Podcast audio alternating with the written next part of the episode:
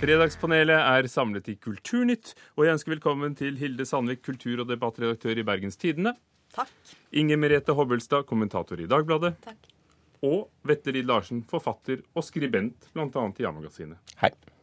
Første spørsmål. Kunnskapsminister Kristin Halvorsen sa at det var en god idé å fjerne eksamen og karakter i sidemål, som en kommisjon foreslo denne uken. Bør karakteren i sidemål bort, Hilde? Eh, nei. Inger. Merete. Ja. ja. Nei, sier du, Hilde Sandvik. Og i morgen kommer det på trykk en kjærlighetserklæring fra deg. Ja, og det er altså en resignert kjærleiksfortelling. Jeg innser at denne kampen kan nok være på grensen til å være tapt. Og jeg ser veldig mange gode grunner til å diskutere om det er karakteren som faktisk skal til for å, for å få folk til å elske nynorsk. Så jeg, Derfor så er det et nei med et lite forbehold, jeg må innrømme det. Elsker du nynorsk? Jeg, eh, jeg har, eh, som de store, de store kjærleiksfortellingene, så er det sånn at jeg valgte aldri, og jeg har aldri valgt det bort. Det er, og det er derfor jeg da skriver i morgen at eh, jeg tar dette rett og slett personlig. Når Kristin Clemet sier at folk ikke liker nynorsk lenger, så er det meg hun snakker om. Eh, Og det er, en ganske, er en ganske spesiell opplevelse, for det at jeg tenker rasjonelt, snusfornuftig og alt mulig annet, så er det sånn Trenger vi egentlig to skriftspråk? Det er jeg litt usikker på. Eh, altså jeg syns jo det er fryktelig vakkert å høre folk snakke slik om språk. Og jeg syns det er fryktelig vakkert at de har et så hett forhold til sitt eget språk at de vil la alle oss andre ta del i den utsigelige glede det er å anvende det. Eh, men jeg tenker jo som så at nynorsk det må undervises i, det må læres, det må være slik at man kan jobbe i departementene, slik at den rike litterære tradisjonen ikke, ikke stenges. Men det er så viktig å kunne uttrykke seg på hovedmålet sitt, tenker jeg. Det er der man skal resonnere, være stringent, ha et stort, sofistikert ordforråd. Og eh, jeg tenker at det er viktigere å høyne nivået på dette, ettersom stort sett eh, alle språkhandlinger i livet foregår på hovedmålet, enn å lære å skrive sk- sidemålet. Altså, jeg er da altså nynorskvenn, hvor rart den kan da høres ut for mange. Og jeg har veldig sans for både kulturarven og litteraturen. Og jeg tror at man har skutt seg selv i foten ved å ha såkalt tvungen skriftlig opplæring nå gjennom en, en årrekke. Og jeg tror at man skal fortsette å ha Jeg må gjerne ha et karakter i sidemålet for min del, men jeg tror man skal på en måte avvikle den tvungne skriftlige opplæringen. Tenke nytt pedagogisk, lage et fag som på en måte oppøvde. Lese Carl Frode Tiller og Frode Grytten og, og Maria Parr og alle disse glimrende forfatterne, og, og skape en naturlig avslappet forhold til nynorsk. For vi trenger ikke, vi som da uttrykker oss på to så identiske språk, trenger ikke Jeg, jeg syns ikke heller de som skriver nynorsk nødvendigvis må lære seg bokmål, ja. Så, jeg, så, så, så få det, gjør en, nytt grep. Det er min konklusjon øh, på dette. Men det som er at eh, ikke la de som altså Poenget jeg tror at hvis en fjerner sidemålskarakteren, det som kommer til å skje, er bl.a. at i, gans, i bynære strøk, det ser en allerede rundt Bergen, som, altså der det har vært nynorsk land, så er det da altså mange som, foreldre som syns at det er en ulempe at ungene skal lære å skrive nynorsk, og som presser på for bokmålsklasser. Men Bergen er jo en riksmåls... Er jo en Ja, riksmåls jeg mener, ja, men, men det er den rundt, mest altså, jeg, tror- jeg tror at riksmålskommunen i, verden. jeg tror, jeg tror at hvis en da fjerner karakteren, så vil det være enda et større skritt. Men jeg har veldig sansen for det du sier med å tenke alternativt pedagogisk. Og jeg har snakket med folk som har undervist i Oslo-skolen, blant annet. Og hva Eh, sier de? er, åh, det er så stor motbakke. Og det er så lett å skape en spyfornemmelse av spynorsken, når en da vet at det er folk som møter nederlag på nederlag på nederlag. Jeg, jeg skulle helst ønsket at det ikke var sånn, men jeg tror at det er den Hvis jeg skal si det som jeg tror, så er det at den kjærleiken til språket og den identiteten i språket som faktisk må bære Men utvider ikke dette vår forståelse av norsk? Altså Nå lærer vi ikke gammelnorsk, men er det ikke på en måte som å lære litt latin? Vi lærer mer om det vi bruker. Det der har jo vært argumentet til veldig mange av nynorskens eh, De som har storm, stormet opp på barrikaden på vegne av nynorsken de siste, siste dagene. Eh, og jeg tror helt klart at det å lære nynorsk kan bidra til større språklig bevissthet. Altså at man blir bevisst mer bruken av aktiv og passiv, f.eks. Altså forholdet mellom kasus. altså De tingene brukes jo annerledes på nynorsk. Men det er likevel påfallende for meg hvor, i hvilke, hvor stor grad man da snakker om bieffekten av å lære nynorsk fremfor det å faktisk lære og praktisere språk og det utbyttet og nytten man har av det. Og jeg er også sånn, fra et sånn emosjonelt grunnlag enig med, enig med Vetle her. Når jeg tenker at jeg tror det øker kjærligheten og gleden ved språket kanskje mer å lese. Da. Nå har jo Dante kommet inn i pensum på videregående skole. Da regner jeg med at man bruker Sigmund Skars vakre vakre gjendiktning, som er den fineste som finnes på norsk.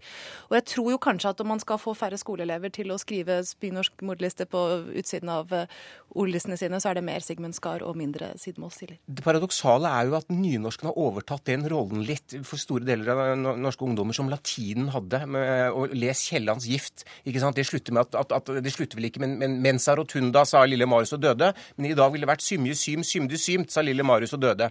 Det er, den, det er, det som er blitt realiteten, altså. Dessverre. Men, men handler det ikke bare om, om nynorsk? Altså, Hvordan ser eh, nynorskelever på, på, på, det å måtte lære bokmål? Vil det være en ulempe å ikke lære det? Altså, Det jeg syns er litt trist i dette, er at Kristin Halvorsen som, eh, som utdanningsminister eh, stadig vekk kommer med utspill som skal senke kravene og senke ambisjonsnivået.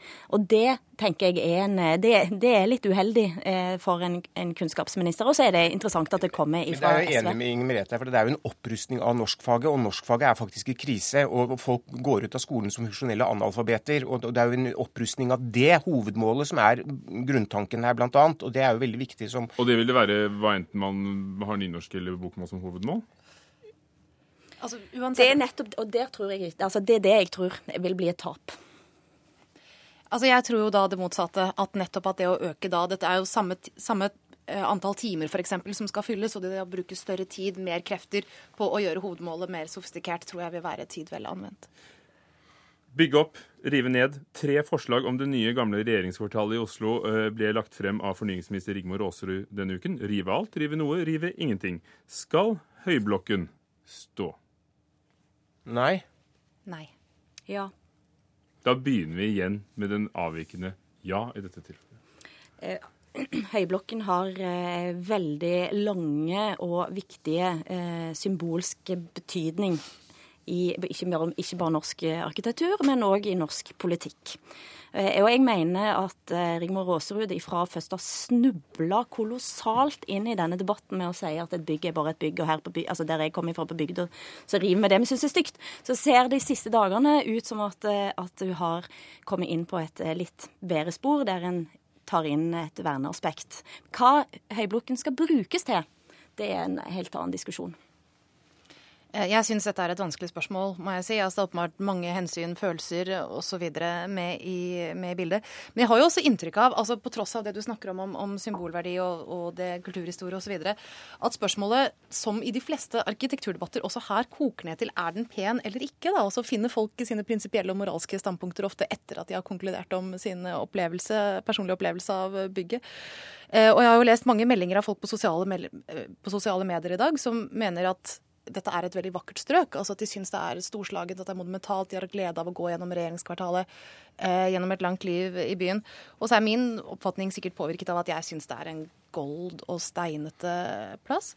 Eh, og så kan du si at den ville jo den vil jo alltid være ladet av det som skjedde 22.07, og avgjørelsen også vil gjøre det. Men det er noe i meg som tenker at vi skulle prøve å ikke la det styre så mye. da, At vi skulle prøve å gjøre det som er best for de som skal jobbe der, de som skal ha det som del av bybildet.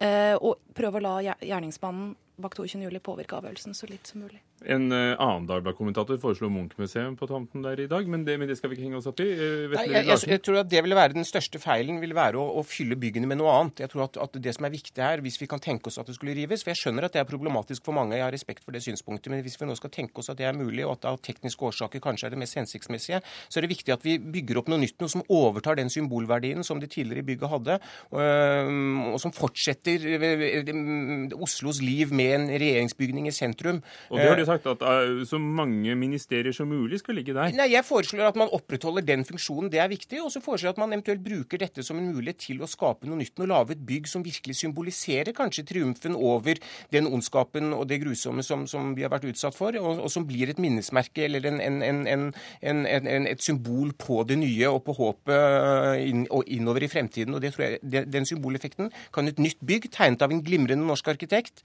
få.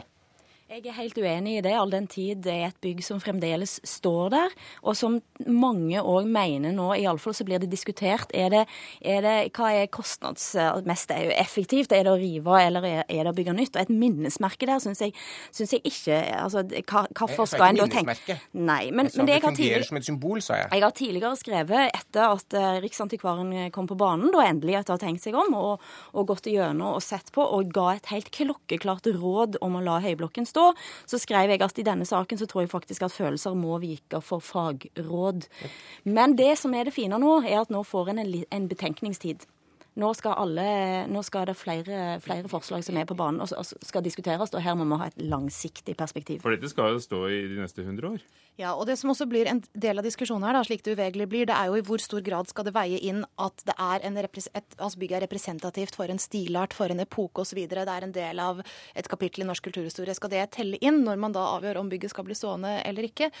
Og arkitektstanden, som har det med å la den faglige opplevelsen av, altså faglige tolkningen av et bygg styre hvor pent de syns det er, eh, vil jo naturligvis eh, la det stå. Og så kan vi andre spørre oss om vi kan la ta folk som virkelig elsker modernismen sånn helt uh, alvorlig. Men det med Picasso det, det, som har Picasso vært med kan vi gjøre som vi har gjort ellers. Vi kan plukke ned det vakre som, og flytte det til Norsk Folkemuseum, for det har de gjort med alle de andre byggene de har revet i denne byen. Og så kan vi bygge noe nytt nå. For bygget er en del av en uheldig arkitekturtradisjon. Og, og, og Rigmor Aasrud tror jeg faktisk sa det veldig mange tenker, at bygget er rett og slett stygt. Det er en, en, en, en autoritær og kald arkitektur, og vi kan gjøre noe langt bedre enn dette.